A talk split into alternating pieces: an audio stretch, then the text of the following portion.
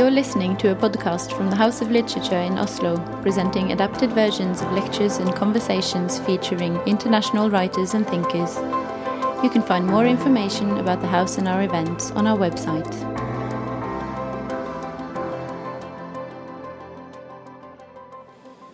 Good evening. A warm welcome to everyone here in the ceremonial hall of the University of Oslo and to all of you following tonight's event on live stream from public libraries across the country. My name is Susanne Kaluza, and I'm the CEO of the House of Literature. It is my pleasure to introduce this evening's guest of honor, esteemed author, professor, and Nobel laureate, Abdulrazak Gurnah. Abdulrazak Gurnah is the author of 10 novels, five of which are available in Norwegian translation by Kari and Kjell Risvik and Tone Formoe, and published by Gyldendal. In addition, Gurnah has also written a number of short stories, essays, and criticism. When I first read Professor Gurnah's novels, they made it embarrassingly obvious what the literature I had been reading was lacking. That's the thing with blind spots, isn't it? You don't know what you're missing until it's pointed out to you. Gurnah's novels are doors into history, particularly different parts of colonial history of the last centuries, told from an East African point of view. We come face to face with German and British colonizers, experience the advent of the First World War, and live through the Zanzibar Revolution, some of history's heaviest events portrayed through the lives of ordinary people. Gurnah doesn't give us heroes and villains, but rather people who are fully formed and unique in their everydayness, and who quite often feel in some way alienated from the world around them. With great generosity and sympathy for all of his characters, he explores themes such as migration and displacement, the history of colonialism, as well as love and loss. His stories are often set in the region we now call Tanzania, his place of birth, or in Britain, often seen through the eyes of immigrants. Gurnah gives us great literature that also challenges us to alter our perspectives and to address the power structures that create inequalities both between individuals and societies. And since Professor Gurnah was awarded a 2021 Nobel Prize in Literature, I am happy to see his stories are being discovered by more and more readers in Norway and across the globe. In addition to being an author, Gurnah has been a teacher and a professor of English and post-colonial literature for decades, and he has been an important mentoring figure for a number of prominent writers, including, among others, Nadifa Mohamed and Yvonne Owuor. Another writer who has read and been inspired by Professor Gurnah's work over the years is the acclaimed author Leila Aboulela whose last publication, River Spirit, is comprehensive and eye-opening historical novel set in the 19th century Sudan. We are so happy to have her here with us tonight. So please give a warm welcome to both Abdulrazak Gurnah and Leila Aboulela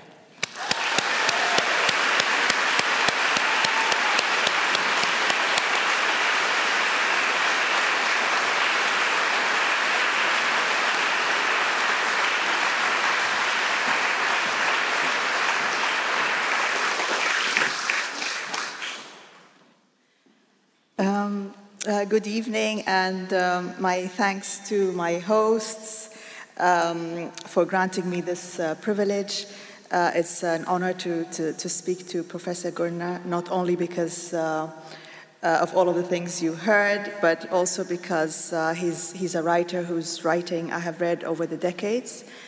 And the first time that someone encounters a favorite writer is, can never be forgotten.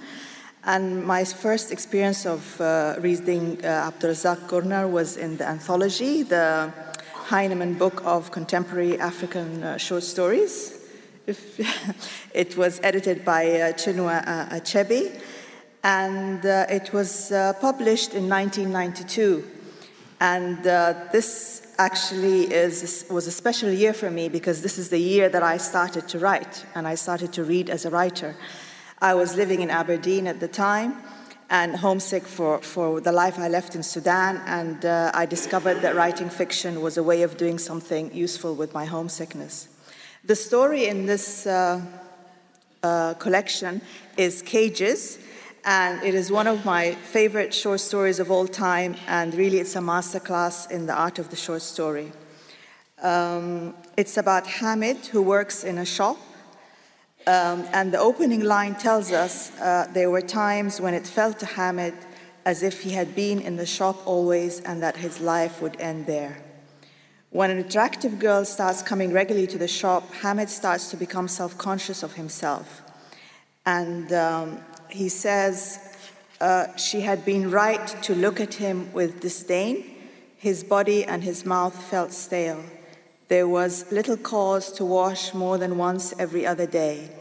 The journey from bed to shop took a minute or so, and he never went anywhere else. What was there to wash for? His legs were misshapen from lack of proper exercise. He had spent the day in bondage. Months and years had passed like that, a fool stuck in a pen all his life.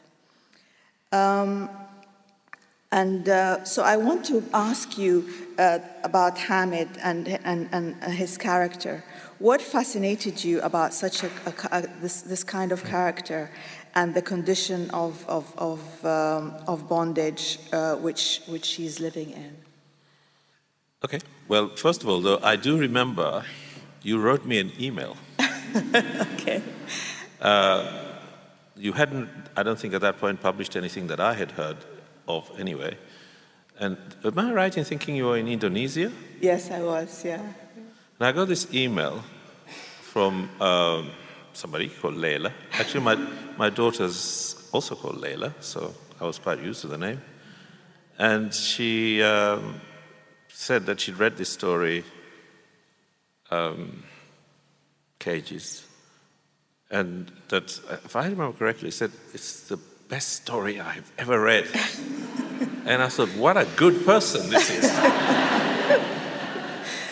so that's the first time. That's yes, the first time I heard from you. Uh, and then, of course, we've since then, for various reasons, uh, had various other exchanges and emails. What was I writing? Uh, you see, I mean, a lot of uh, a lot of the small shops in this is a particular one, a particular shop in Dar es Salaam. A lot of small shops were run by um, could be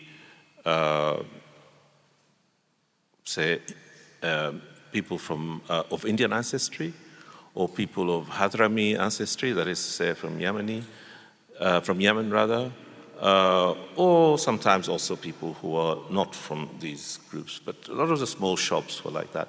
And these would be shops, I don't know if any of you have traveled in that part of the world, you may have seen them. These would be shops that would be corner shops, you know, neighborhood shops that would sell all kinds of things, basically anything that you might require from the neighborhood. It wouldn't, be, it wouldn't be furniture or fridges or cookers or that kind of thing, but it would be rice or sugar or ghee or razor blades or that kind of thing. And many of the people who worked in those shops were like prisoners, it seemed to me.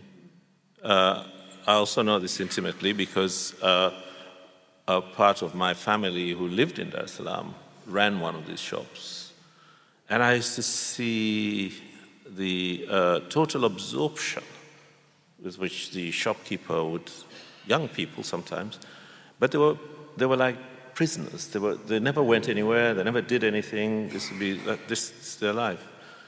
Um, and, and yet, at the same time, you know, uh, it's a bustling, busy city. Um, and so that was the idea of having somebody who is kind of dislocated in a place in which he is strange, really, even though he'd been there for years, but that's it. His life is in that shop. In a sense, it became the first step towards the figure of Khalil in paradise. Um, imagining somebody like that. But of course, in the case of Khalil, he's also imprisoned in a proper sense of being taken away from his family.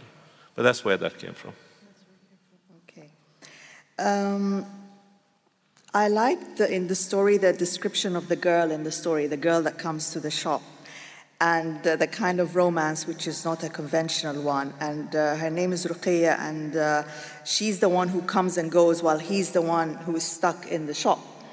And, uh, and she's the one with the steady employment. She works in a, as a maid in a glamorous hotel, and, and, and you know, he's the one who's in, in, in, in bondage.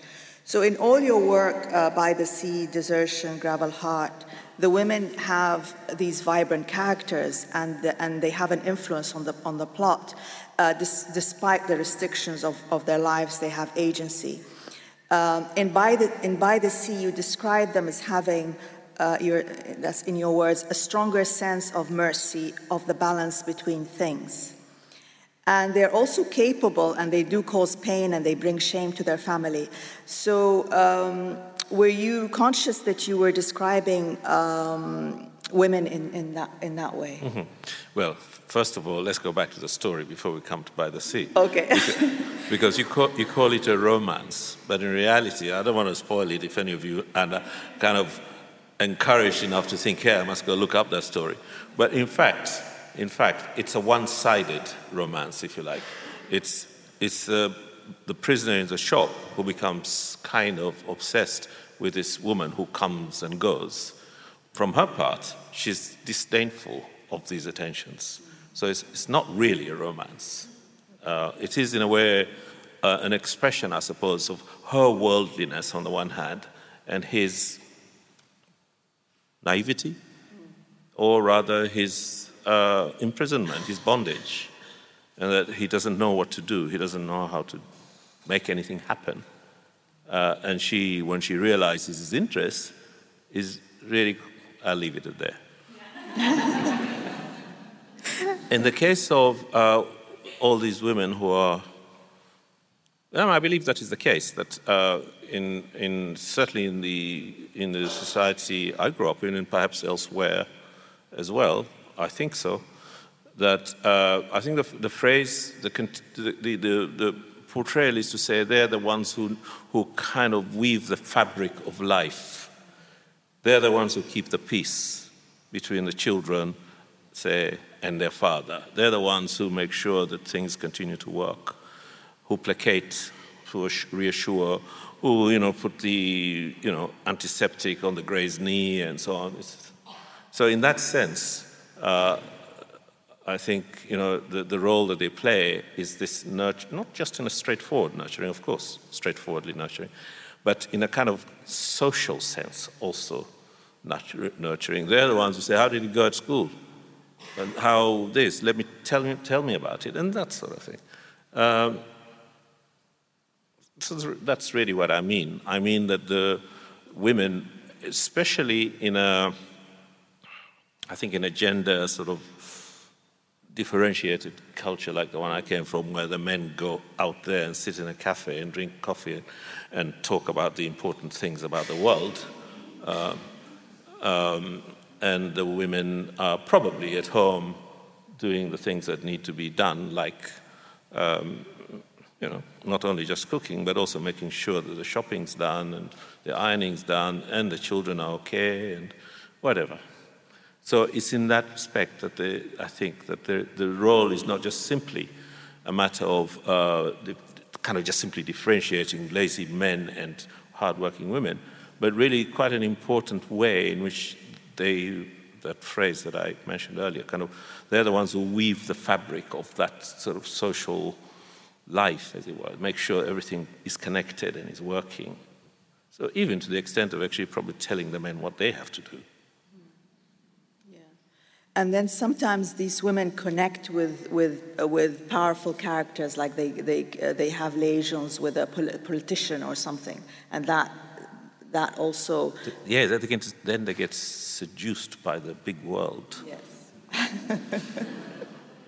uh, and of course, this is also to do with generations, it's to do with. Uh, with um, individual temperament and sensibility. Not everybody is willing to play this other role that says, because although I say men just go sit in the cafe, but there, there, is, there is a kind of a, maybe not so much now, but uh, I believe I believe things have changed enough for that to be the case.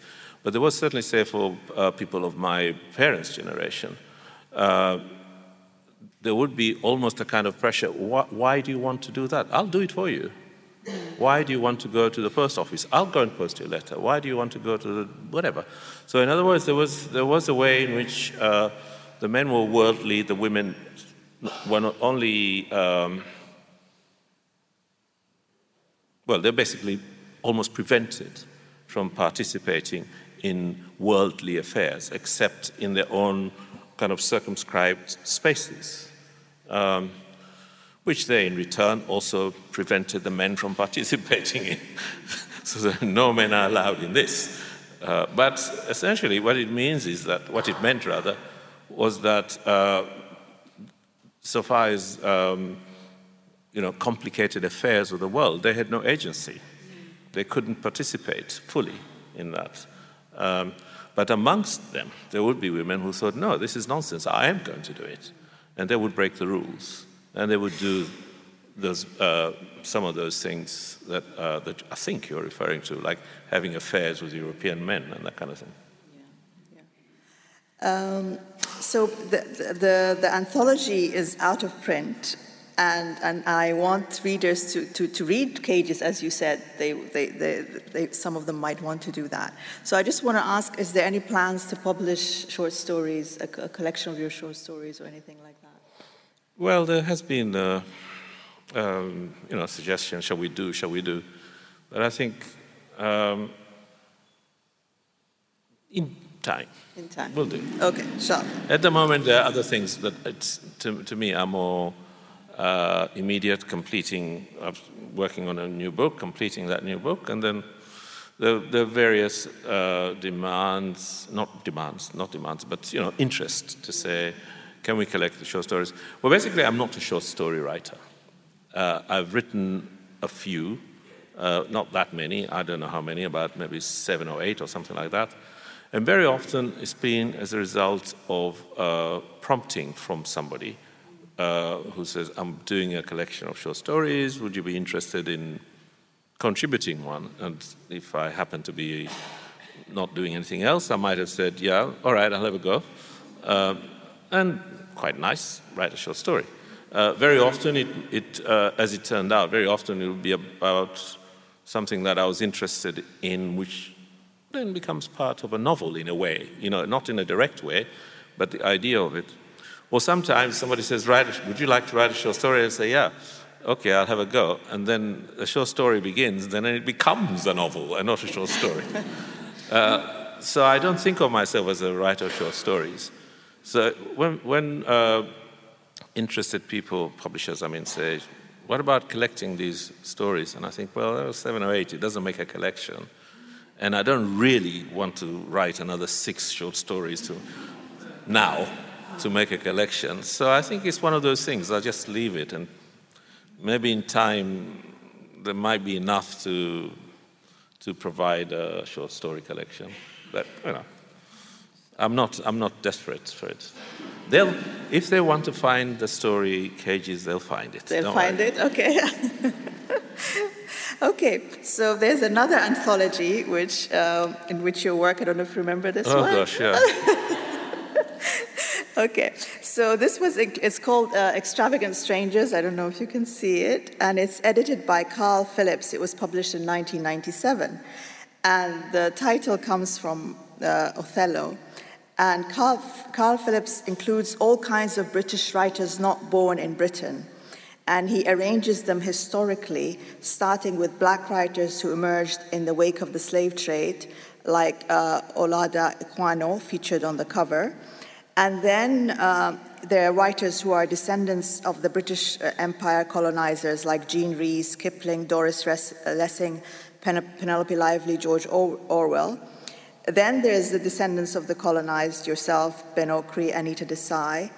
And uh, you're here represented uh, with an extract from your novel Pilgrim's Way, uh, in which your young African protagonist experiences ex- exclusion uh, antagonism and um, loneliness as he makes his way in an England of cathedrals and spires.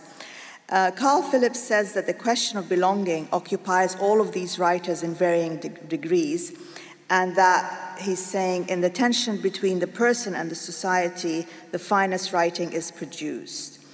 Um, would you describe yourself as an extravagant stranger? No, no. okay. No, no. Those of you who know your Othello will know that the person who says that is Iago.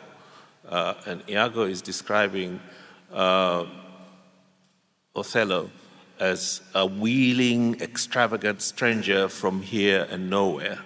Um, and I find this really interesting because he only uses extravagant strangers. But I find it interesting that this, this idea of not only a stranger, but a stranger from here and nowhere, and that sense of uh, um, totally, ex- almost totally excluding this person from human community in a way. He's not from anywhere. He's just a stranger from nowhere. Uh, so no, I'm not an extravagant stranger at all. Uh, and in the case of Iago, of course, what he was saying was that he's, he's a nobody. Who's this person? He's a nobody. He's not only a stranger, but he's a nobody. Now, I think uh, Caryl Phillips is using just simply extravagant stranger to kind of uh, sort of ennoble, I suppose, the condition of being stranger. Fair enough.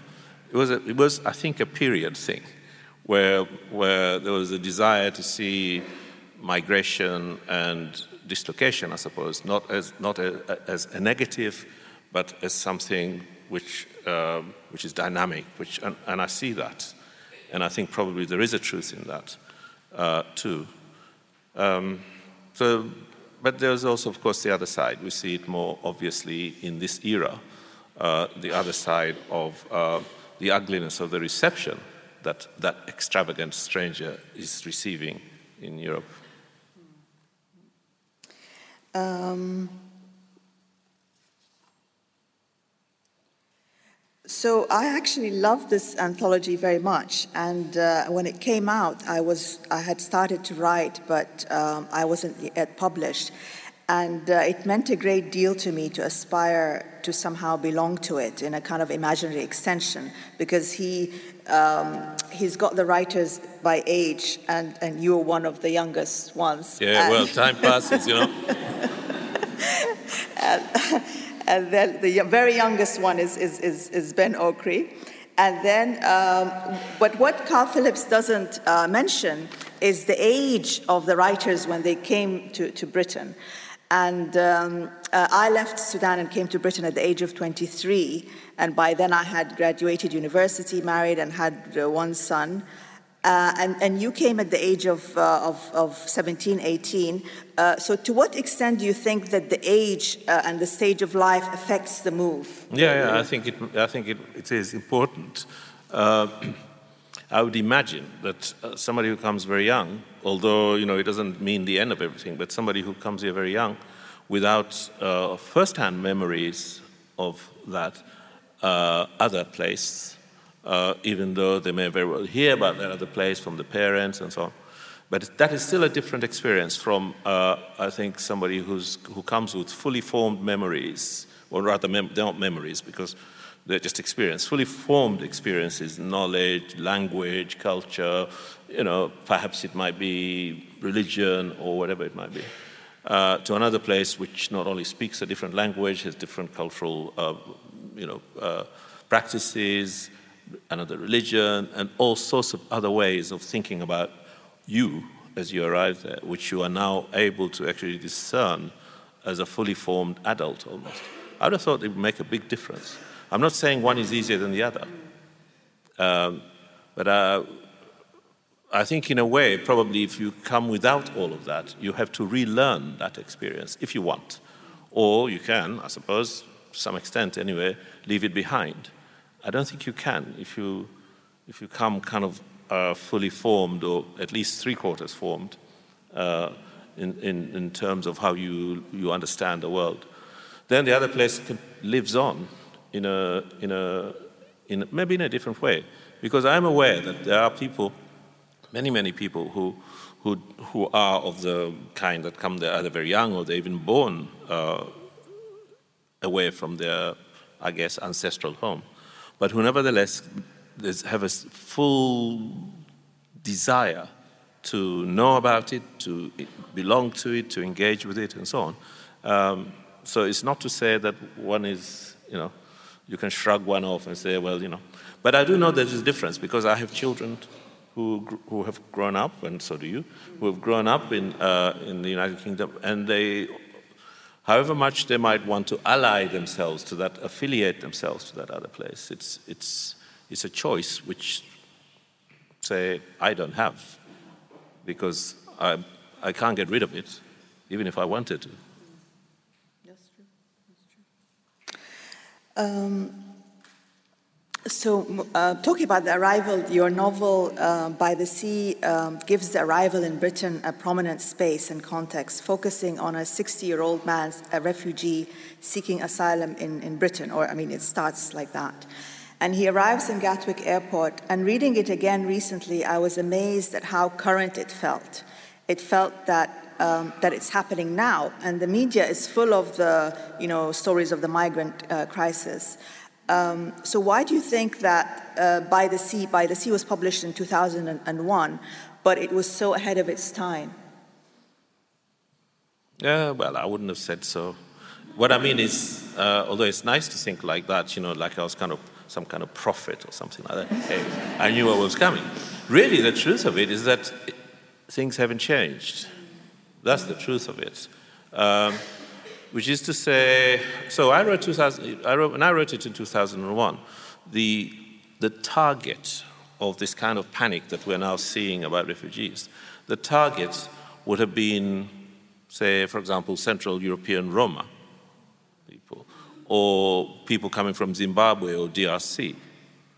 And if, if you have any kind of sense of um, what's, I don't know what's been happening in Norway or or even in other parts of Europe. But uh, I know that what's, what was happening in the, in the United Kingdom or in England uh, is that this process had been going on, certainly from the, the post war period.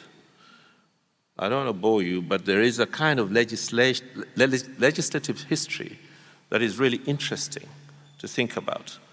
Um, in 1948, after the war, labor shortages, they passed a law. There hadn't been a law before that said people from the um, British Empire, from the colonies basically, uh, could come to work in England. There wasn't actually a law, it was just understood. You were all subject of the king or the queen, therefore, England was your home, kind of thing. So there's no reason not to come. In 1948, explicitly, a law was passed to say that uh, anybody who was uh, the subject of the king, in other words, a subject of the British Empire, had a right to come to the UK and work and reside there. It was crazy from their part. I mean, it was just hubris. We need, we need people to come and work. So they passed this law. And they suddenly realized that they've actually opened the door to people they don't want. They wanted to be able to choose okay, you can come and then you can go away when you, when you finish building our hospitals or whatever it is. But they opened the door and they said you can reside. So then they have, there had to be a series of laws that followed to try and restrict this. And they didn't want to do it in a way that said, oh, here's a bunch of racists saying, no, we don't want any black people here. They didn't want to do it that way. So they kept finding euphemisms of saying, okay, you can come if your grandfather is. Uh, uh, an English person, or you can come, a hundred of you can come from India, and a hundred of you from, come from Pakistan. Until in the end, they said, none of you can come. But these were a series of laws going from 1962, 1968, until I think eventually 1979, something like that. But the target, who is it that these laws are being passed about or against, kept changing. It didn't matter. Just foreigners.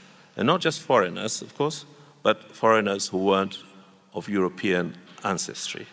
This is what it amounts to. In other words, all of these were racist laws when you come down to it. The laws discriminate, that discriminated against foreigners from certain places, from those very places that had been the territories that were colonies of Britain. And the same, of course, is true of France, and the same is true of other parts of those who had empires. But it's now also true of most of Europe. I know the same is true of the UK. I know there are a lot of people in Europe who don't share that hostility. And I know this is also true of the UK. But somehow it's always possible to generate this hostility, uh, either through the press or through fear, the fear of politicians who think if we say what perhaps, you know, with, if we speak with more humanely about these things, we'll lose votes, we'll do that, with that. So although there is a great deal of uh, goodwill amongst many, many people, in the end, it does seem a new target appears. And the same rhetoric, the same language is applied now to another group. They are now the people who are going to come and ruin everything. We're going to come and take away our prosperity. We're going to come and, you know, rape our daughters or whatever it is that people fear. So I wish it was just simply a, a prophecy of now. What is even more distressing is that it's something that doesn't seem to go away. Yes. No, it's true. I mean, when you read it, it feels as if it's happening now. As you're reading, you think this is happening now in Gatwick. So it has this kind of. It's actually worse. It's worse. I think it's worse now because there was something slapdash about um, what do you do with these people, mm. whereas now there are actually various attempts to make laws that say the, this new one that in the UK anyway, the little boat illegal something or the other. If you come on a little boat, we'll send you to Rwanda. Mm. Or most recently, the Ascension Islands. Do you know where the Ascension Islands are? Some of you know. The Ascension Islands are small, small, small islands in the, deep in the South Atlantic, the middle of nowhere. And this is a new destination, they think. This, what is this? It's a kind of, it's, it's uh, a hostility of the most profound kind. You think this is almost inhuman. Um, Yeah. So also in the in the in the by the sea, that the narrator who's come, who has arrived, um, he makes contact with another migrant, also another somebody who's come in, a younger man from the same neighborhood, Latif, and also Rachel, who is his English uh, social worker. Uh, to some extent, one represents the past and one the future, and the novel hints at a relationship between the two young characters. To what extent do these new relationships uh, support the newly arrived refugee. There was also, of course, something else in, the, in writing a novel. As you know, novels don't just have one kind of uh, root or one idea and so on. And the other is what people bring with them. So, what, in, in a way, this is a hostility which already exists from where they come from, and now it has to be worked out in this strange place. Uh, so partly it's not so much to do with okay i'll take the past and present and future thing but but it's but i think it's also to do with sort of sorting out um, the other life. I think people who are dislocated people who are it doesn't have to be from uh, zanzibar to england. It could be from i don't know from poland to norway for all i know. But people who are dislocated people who are away from the place where they uh, perhaps uh, belonged to or started from or something like that. Like you carry that with you. Uh, and you carry that in, in uh, imaginatively, but also in a kind of living way. So there is, a, there, is a, there is a practical life that you do. You do your work, you go this, you get to know how to do things, you know how to go to the bank and blah, blah, blah, speak the language. But there is another life that also goes on. Uh, and that might be quite complicated. It might be life that is still connected, so you might still have relatives on the phone, send money home, go visit, or whatever. But it might be that you can't even do that, but it still continues. So, this sense of a life that continues in the imagination, as it were, uh, while you're living this other life, apparently a normal person, I wanted that sense. Um, but I wanted also here where you have actually somebody who was part of this other life and has a grievance against you. And, and comes and says, Oh, hello then. Let's talk about it. yeah. Do you remember? In that sense, of people coming with their histories, but in a different place. And now they, this is a, an arena, as well, where the only possible arena where they have to work it out. And they have to work it out by telling their understanding of what had happened, what had gone on before. I think now it's even more because of WhatsApp and, and the ease of, of being in touch, so that people who have arrived here, uh, you know, haven't really left like we have left because they, they're constantly on the phone. They're constantly FaceTiming. WhatsApp. Yeah, WhatsApping their families. It's, it's made a big difference. Yes, yeah. Big difference. It was phoning was very expensive back in, in the yeah, day, and it yeah, wasn't sure. something or letter writing, as in some of your novels. yeah, letter writing was good. Letter writing was. I, I, but you know, letter writing requires. Um, that your correspondent responds. Yes. Otherwise, it's just a one way street. And so there I was, you know, a homesick teenager in, uh, late teenager, but still a homesick teenager in England, writing these letters. But people are living their lives, you know, they, they can't engage with this. So after a while, you think, you know, it kind of doesn't continue. So you really need, you really need a correspondent on the other side who's, who's willing to engage in this. Yeah, but letter writing was important. But I think but on the other hand, you know, WhatsApp doesn't really allow you, speaking on the phone even, let alone, let alone WhatsApp, or even a video, it seems to me, doesn't really allow you to, to there is a kind of performance that you do mm. when you do that. You, you speak in a certain way, you talk about certain things. Uh, you don't say, I'm depressed, for example. Probably some might, but, but you try not to, you know, because it seems you shouldn't. You try to be upbeat, you try to talk about plans or what you're doing or how's it going there. You don't say, I have this backache that's been tormenting me for days and I can't get rid of it. Or maybe you do, I don't know. well, I, I, recently when the, the war started in Sudan and oh, I was yes. calling my cousins, I could hear the, the, the, the, bombing behind them. Yeah. And so it's, it was very, very surreal because. Uh, we would speak normally, and then suddenly, you know, they'll say to me, "Can you hear this? Can you hear this?" Yeah. And so it was happening in real time, and then sure. of course I have to put the phone down and, and, and kind of live my normal life, and so it was it was very odd this. Uh, how the, the technology, the, the, the communication was co- kind of continuing, even though uh, all this was happening. And it's a very, very recent phenomenon. I mean, it wasn't, yeah. it wasn't something in, in, in, in the past. At, at no, it's true. It's true. Yeah. It's true. But now everybody has a mobile phone, you know. Even the guy working in the docks has a mobile phone, you know.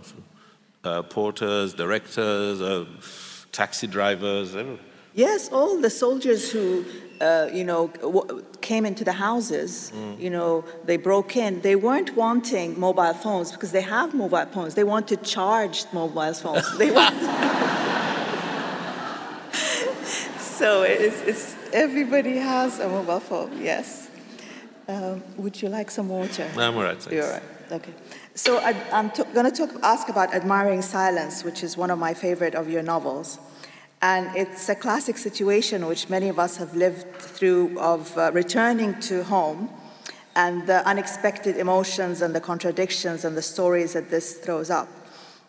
So after 20 years away, your, your narrator goes home and his family assume that he has come home for good, but he has changed and he has put roots in, in England. There's a lot of humor in admiring silence. Do you think that humor provides a distance for, for people coping with loss? I think writing um, in that form maybe does. I, well, of course, humor always um, helps, but humor can also be a way of evading. Um, what needs to be said or done. We're all familiar with somebody who kind of gives you the big laugh when they don't really want to speak, when they really don't want to, uh, to speak seriously. But there is also a, a form of writing um, in, a, in a way which is kind of self deprecating, which is making fun of oneself, as it were, because it's a narrator. Mm. So it's, a, it's, an I book, it's a first person voice. and there is a way of making fun of oneself. Uh, um, I don't know quite how to put it really, because it's also at the same time uh, ex- exaggerating one's fallibility, one's um, you know, uh, incapacities, and so on. Uh, and it's also a way of naming them, of saying, so you, you understand that this is an exaggeration, that this person is not quite as incapable as he is. But so it's a kind of lament, if you like, which, which is told in a self mocking way. Um, because otherwise, it would just be self pity. It mm. would just turn out to be uh, this is what's wrong with my life. But to make fun of your life is also being self pitying, but you're inviting the, the reader, as it were, to, to, um, to be sympathetic, to think, oh, yeah, you know. So, what I hope happens is that as you read that person's account, you don't think, oh, what a nasty, horrible, boring man. That you think that you kind of are amused by the way he's putting his experiences, the way he's describing his experiences uh, and the way he's describing other people as well. You know, so he's kind of drawing you into his, his satirical way of, of looking at what's yeah. going on.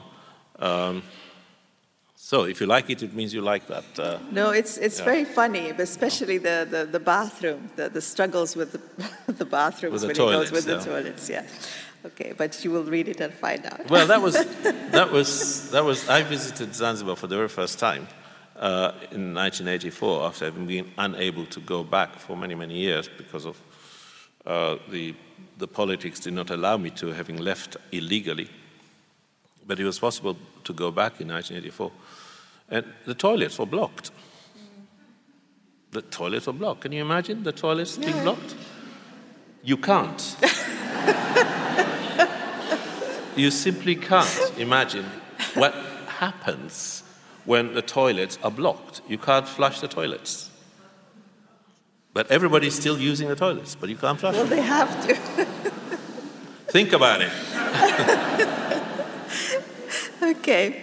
So um, I have a favorite quote in the book, and I discovered in my Kindle that other people have highlighted it as well. Uh-huh. So I'm, I'm happy that uh, other people love it as well.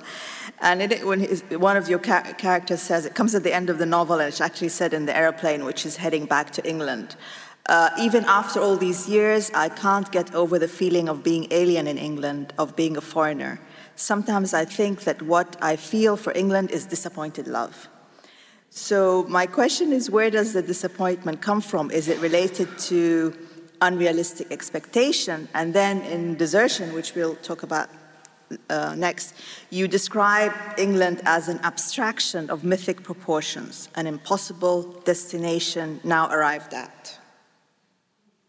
So, is the disappointment because of the, the un- unrealistic expectation? Well, it wasn't. It was. I wasn't. Uh, I wasn't describing how I felt about England when I said this is. Uh, um, that this no longer, it doesn't feel like after all these years it still doesn't feel like home or something like that. Uh, although that part of it is true, but that I think what, what it is is disappointed love. That, that's not how I feel. I don't think I went to England in love with England, so in that respect it wasn't uh, a disappointment. Um, although it was disappointment for other reasons, but, but not because I was, I was there in love. But it's because of the way I wanted him, the narrator, to to frame his understanding of his experience, that, uh, that his experience is one um, of having wanted to love England, but it hadn't been possible uh, to do so. So it's in that way. And the, the desertion reference is, can you tell me again, please? The an abstraction of mythic proportions, an impossible destination now arrived at. Yeah, well, that would be certainly true, I think, because as, as, that passage goes on, I think uh, it refers, for example, to the poem by Senghor uh, about New York and refers to the way many uh, people from the West Indies thought of, of England as uh, the home country, the mother country, that kind of thing. So it's that idea of going to England uh, with this kind of this myth, uh, which of course is impossible. In the same way as uh, uh, Senghor's New York could, could not be. He's celebrating the Harlem Renaissance, but it's impossible to, to make that really fit the, the reality of New York, even that time. In the same way as those other myths about England cannot be realized.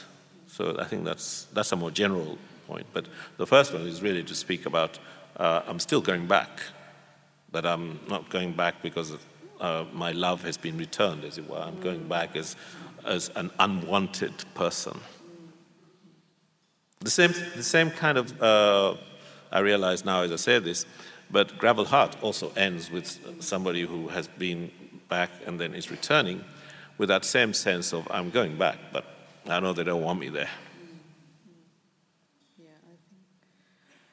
I think. Um, so, uh, speaking about the desertion now, and it's recently been published in, in Norway, so that's very exciting. Yesterday, wasn't it? Somebody told me? It oh, came out yesterday. Congratulations. um, it's one of my favorite of your novels, and uh, I think hey, that's two. That's well, I have three. I have three favorites. Yes, I have three favorites. and cages. And cages. And cages. Cages deserves uh, just to be published on its own. Why not a little book like that? you tell the publishers. Okay. okay. Um, and desertion is very is is um, it's powerful. It's moving. It's immersive, and it's it's a it's a wonderful reading experience, which is both um, aesthetically and you know intellectually fulfilling. And it's, it's, it's, it's a beautiful novel in the sense that uh, there's beautiful descriptions of nature, of people, and, um, and uh, it, it, it, kind of, the, so the novel is aware of that in a way, and maybe if you can read the, the part that okay. we, we, we spoke about, yeah. Or if you want to in, tell us about the character who's saying, is Martin. Uh, so the, the novel opens in 1899. It's, um, you were asking me earlier, where is it? I'm thinking of it as uh, the north, the coast of North Kenya, possibly Malindi, those of you who know the geography of that area. In other words, not a small town, a small port town, um, north of Mombasa. And the figures that appear at first in this are um, a shopkeeper, Hassan Ali, who's in, in, of Indian ancestry, um, and his sister, uh, a, a, British administrator, uh, the district officer, um, uh, a scholar, a British English scholar, what we would then have called an Orientalist, uh, without any problems until Edward Said told us that Orientalists are uh, figures we should hate. Um, and I guess those are the four figures in this opening part. This is, this is the Frederick Turner, the district officer, the administrator. So they've heard a rumor, information has come that uh, there is a, a European man who's arrived in the town injured. So he's heard this. So he's going to find out where this person is, what's happened to him. They stepped into the square, and Martin glanced at the Wakil to see if he shared his sense of relief. It was as if they had walked through a large house and witnessed its domestic intimacies. So for a moment, he did, not, he did not take in the openness and orderliness of the square, the proper and fitting dimensions of the mosque in one corner, its blue doors open now in mid morning, the fields beyond, the cafe with marble topped tables, the neat houses, and the billowing curtains that screened the doorways. When he did, he made a small noise of pleasure a hum through a hum through his nostrils that was both recognition and approval. This is what we mean by beauty, he thought. This composure, this balance. And he felt his eyes smart with homesickness even though nothing in front of him looked like England.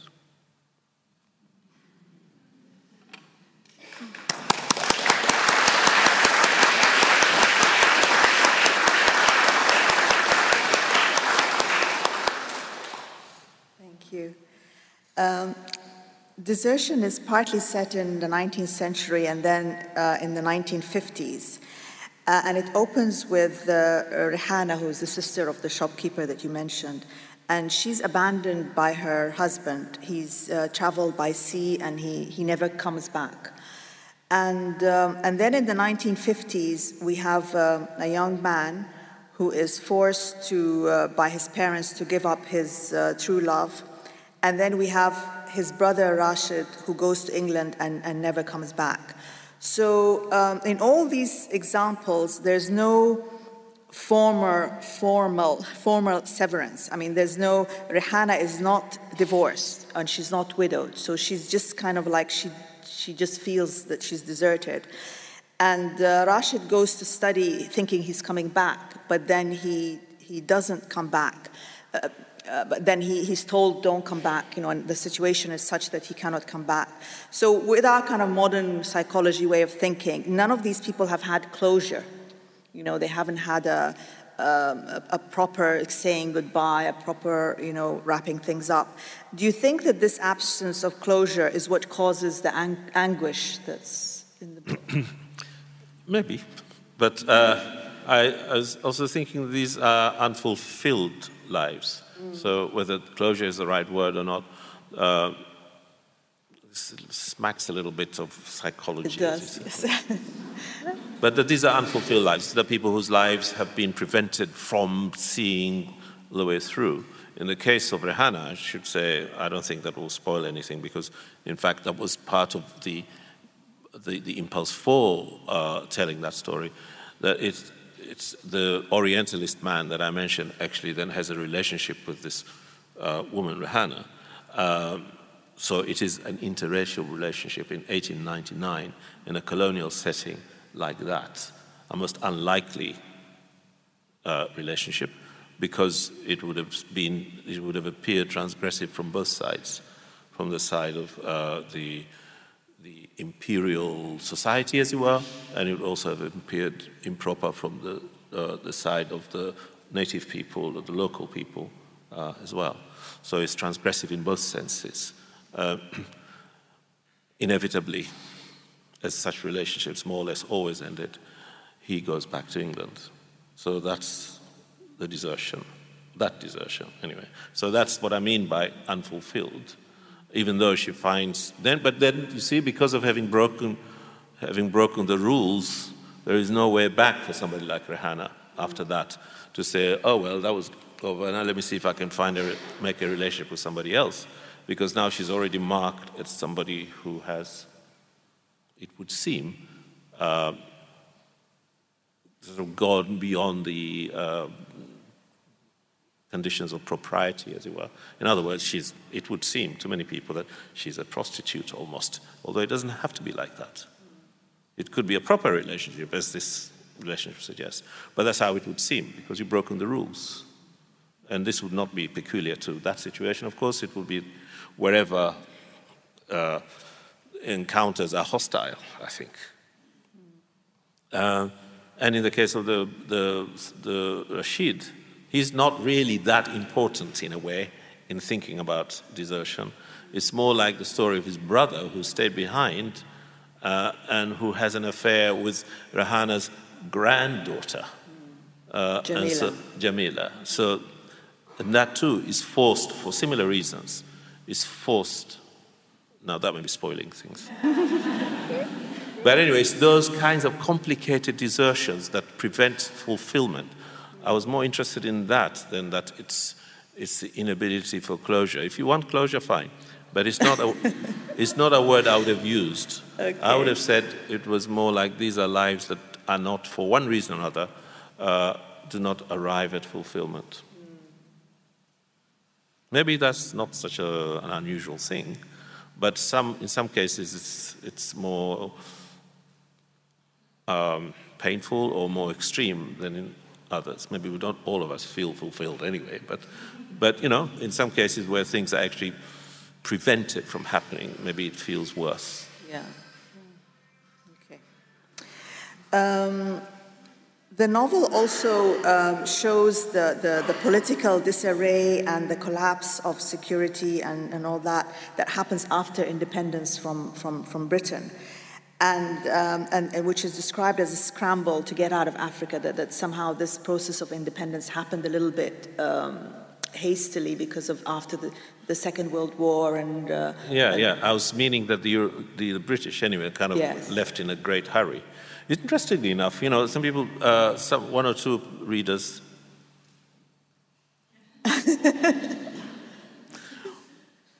one or two readers said, he's too forgiving.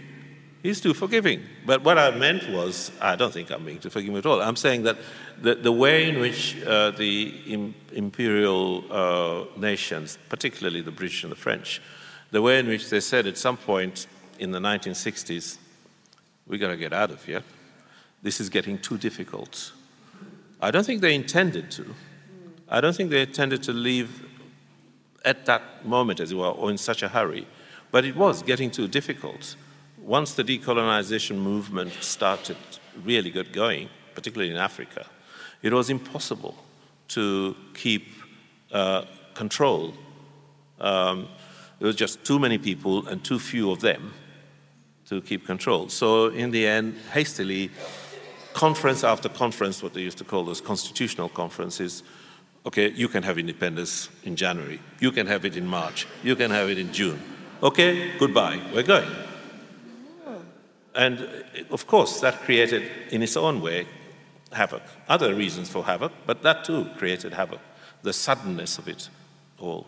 And uh, kind of secret papers being burnt in Nairobi and Dar es Salaam and being packed in cases to take away because, you know, there might be sort of damaging information in there about the atrocities that they committed. Um, it, that's really what that means. They left in a hurry, they left in a panic, just couldn't wait to get out. Okay. Um, two minutes left. Two minutes left. um, so, just one last question about desertion. We all put our, um, you know, as writers, we use our life in, in, in our, in our works, but uh, is Rashid, his school, you know, the, the, the one, he's so clever at school and he likes to study and is, is that, that me? Is that you? They're all me. They're all you. no, no, no, it's not. But actually, people have asked me that. But I very deliberately, uh, the, the time scale, if you, if you think about it, it would be like the 19, late 1950s. But I imagine that the experience of uh, somebody who's you know, relatively uh, naive about the world, who never traveled anywhere, never done anything, um, um, probably fairly bright, kind of half educated, arrives in London to go to university. I expected, to, you know, there are probably many similarities about the kinds of things they would have experienced. I didn't, I didn't study in London when I first came, and so I didn't have that sense of the big city. I didn't have that, uh, although I did have that terror of London, but not because I lived in it. So I, it was more an imagined sense of how how those well, people coming from a small place like I did, how they would have uh, felt coming to a city like that and suddenly confronted with this. At the same time as the return, as you remember, as you said rather, uh, the return is not possible. So you can't just say, um, I don't like it here, can I go home, please? there is none of that. You, have to, you have to get on with it, you have to make do. Well, the time is, is run. I have I had two more questions prepared, but I, I, I need to stop. Hmm? What? I can go on? okay.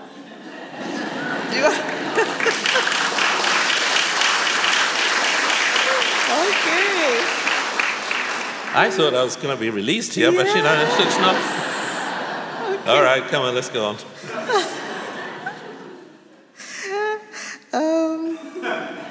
Are you sure? Okay. Uh, in, okay, in a, in a recent interview with the News on Sunday, you spoke about memory and you said that memory is not just that I lived in Zanzibar until I was 18. It is what I heard, what I saw, and what subsequently happened. All of this is memory. Memory is like a huge swamp where every now and then something bubbles to the surface. So I'm very fascinated by this, the, the image of the huge swamp and, um, and, and your access to it, and how over time do you feel that the memories are fading or? Well, the swamp.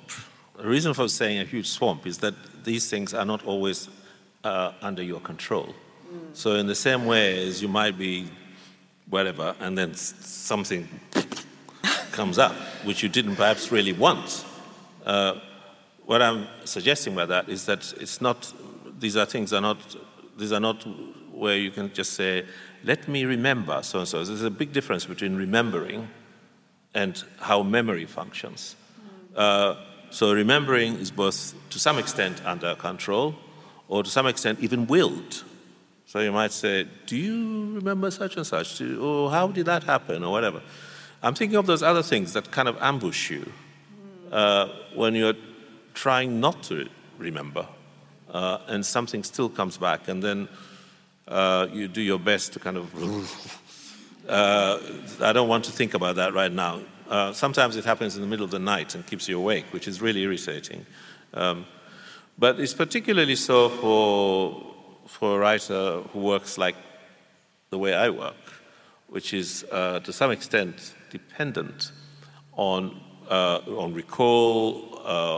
I think it's true of many writers. Uh, but in any case, I can, I can only speak for myself, which depends on recall, on reconstructing, on imagining, on filling the spaces that you can't fully remember. Perhaps all writers work like that, but as I say, I don't know. I'm speaking for myself. Uh, and then in the midst of that, something you remember something else, or something else comes out of this swamp, uh, which is fine. It's brilliant uh, because um, the beauty of writing is that you then uh, engage with it um, and see what it means and work it out and understand it. And, and sometimes it becomes a very fruitful, productive um, experience. But sometimes it's just painful and nothing comes out of it. Okay. Uh, that's it. That's it. Thank you very much. Thank you.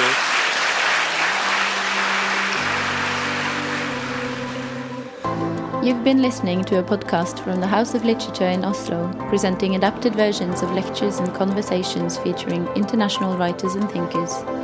You can find more episodes and subscribe to our podcast on iTunes, SoundCloud, and our website. The music is by Apotek.